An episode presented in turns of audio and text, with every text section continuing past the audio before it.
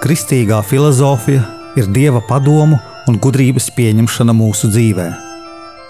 Mīlēt gudrību nozīmē mīlēt dievu, jo no dieva nāk patiesā gudrība. Raidījums Kristīgā filozofija.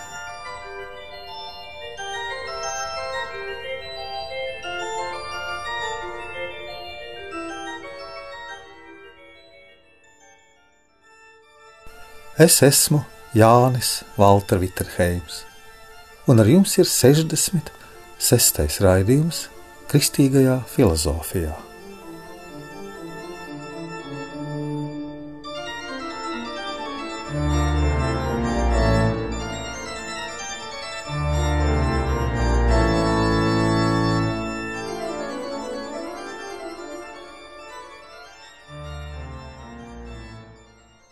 Uz dieva valstību mēs dodamies pa šauro ceļu, kāpjam dieva valstības kalnā. Jo tālāk kāpjam, jo ceļš paliek šaurāks. Tas ir vienkārši salīdzinājums mūsu prātam, jo bieži vien mums šķiet, ka tālāk ceļa vairs nav. Mēs varam apstāties, bet šis ceļš mūs ved ar vien tālāk. Mums vajag atrast tikai šo šauro ceļu uz debesu valstību. Ceļa šaurums parāda iespējamību. Ceļa smagums bieži parāda mums arī šo pašu iespējamību, ka ejam pa pareizo ceļu. Mums varētu reizēm šķist, jo vairāk smaguma, askēzes, atteikšanās, jo pareizāk mēs ejam. Ieraugot kādu cilvēku ar zelta gredzeniem, ķēdēm, bagātā apģērbā, domājam, tas gan iet pa plato ceļu. Viņš neiet, kur vajag, jo mums zelta nav, varbūt arī dzīvokļa nav, varbūt arī mašīnas nav. Tātad mēs esam uz šaurā ceļa. Kristus pēc mēs ejam pa šo ceļu. Vismaz mums tā šķiet. Cilvēks no laika gala domā, ka kristietība ir tur, kur cilvēki grūti dzīvo. Pāvils mums aizliedz tā domāt. Citi sakot, jo sliktāk, jo labāk. Tāda esot Kristus mācība. Tas tā nav ne attieksme pret komfortu, kultūras vērtībām, bagātību, ir šaurā un platā ceļa noteicēja. Tas, ja mēs redzam skaistu baznīcu, vai zelta kupolu, vai apzeltītu krustu, tas nav tas svarīgākais mūsu ceļā uz baznīcu.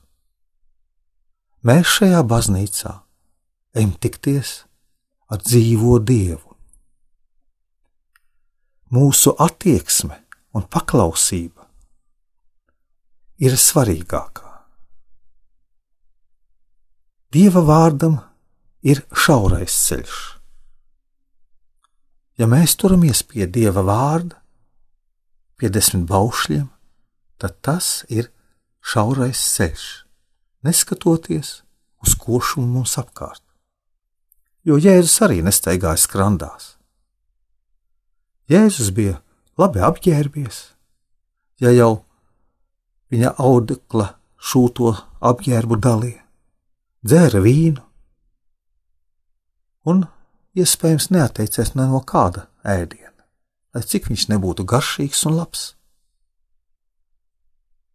Tātad mūsu šaurais ceļš ir paklausība desmit dieva baušļiem.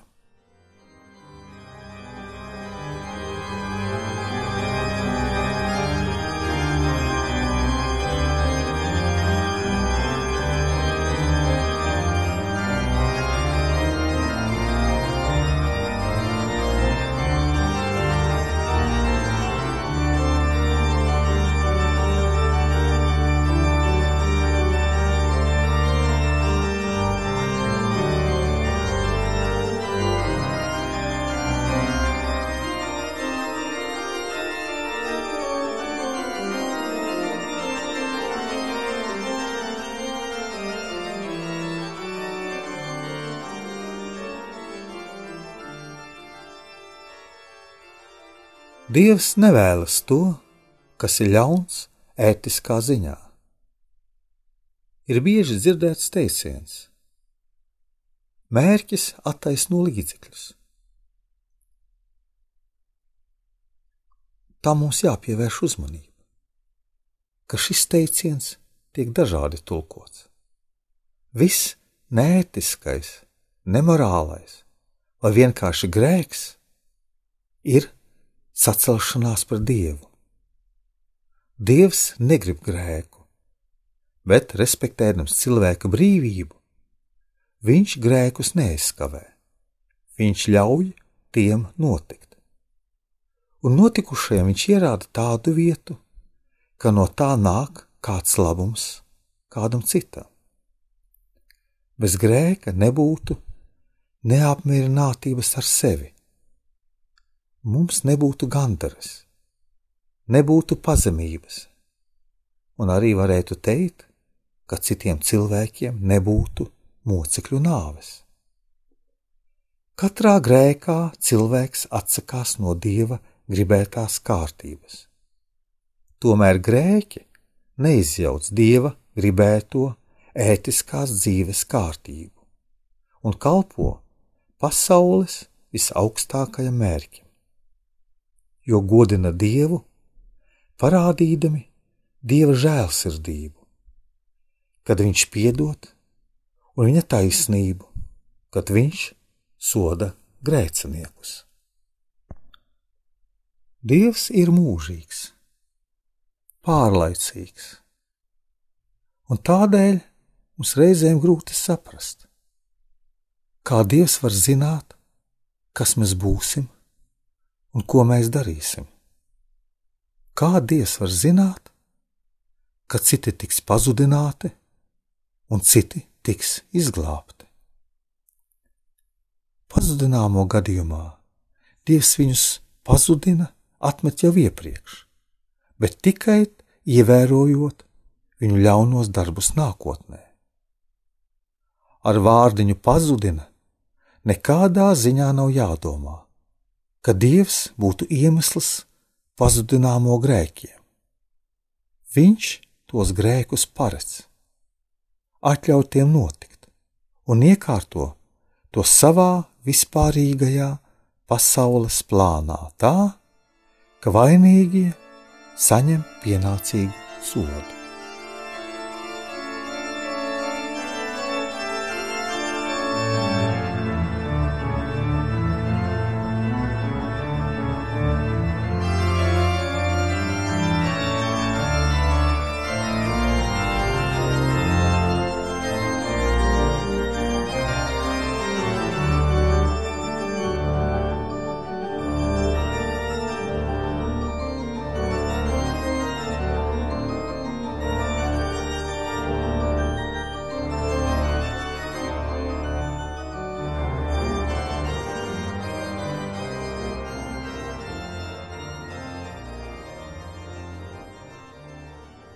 Cilvēka pazudināšana ir dieva akts, kurā viņš loģiskā, ne chronoloģiskā secībā paredz ļaunumu, un atļaudams tam notikt, sagatavo vainīgajiem mūžīgu sodu.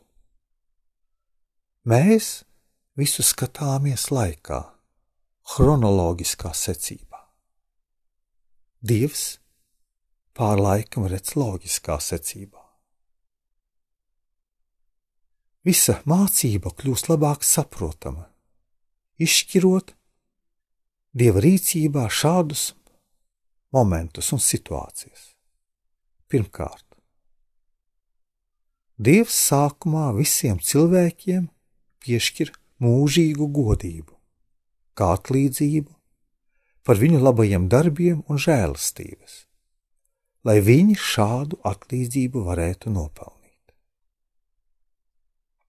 Otrkārt, Dievs paredz, ka zināmās pasaules kārtībās, ko viņš spēja radīt, daži cilvēki, brīvi lietodami viņa piešķirtās žēlastības, sevi pestītu. Citi, neliederīgi izmantodami savu brīvību, sevi pazudinātu.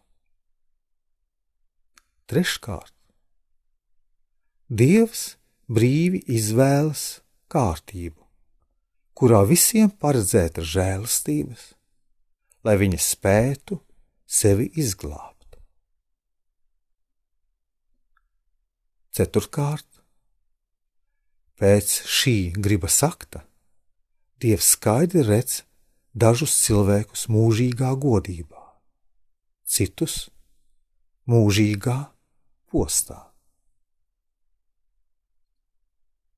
Piektkārt, Dievs atkarībā no cilvēku nopelnu lieluma dažus predestinē uz noteiktu mūžīgas laimes pakāpi, citus atkarībā no viņa pārkāpuma lieluma, soda ar noteikta lieluma mūžīgo sodu.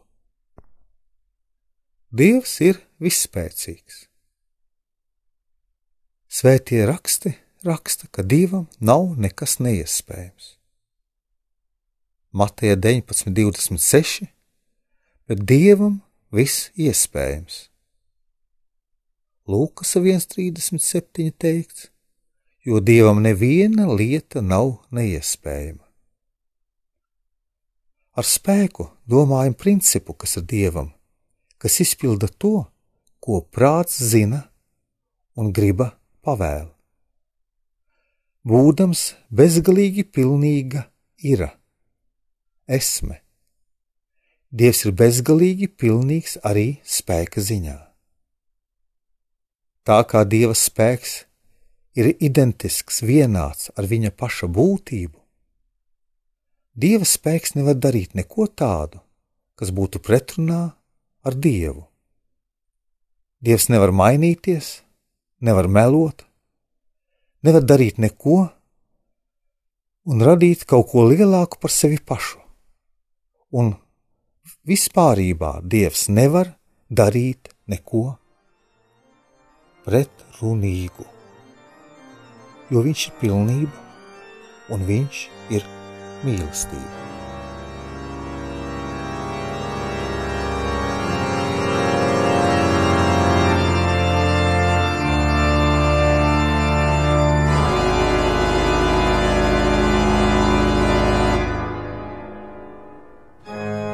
Es esmu Jānis Valtra Vitsenheims. Jeruzalemes Kristus skapa ordeņa bruņinieks. Un ar jums bija 66. lekcija. Dievam viss iespējams.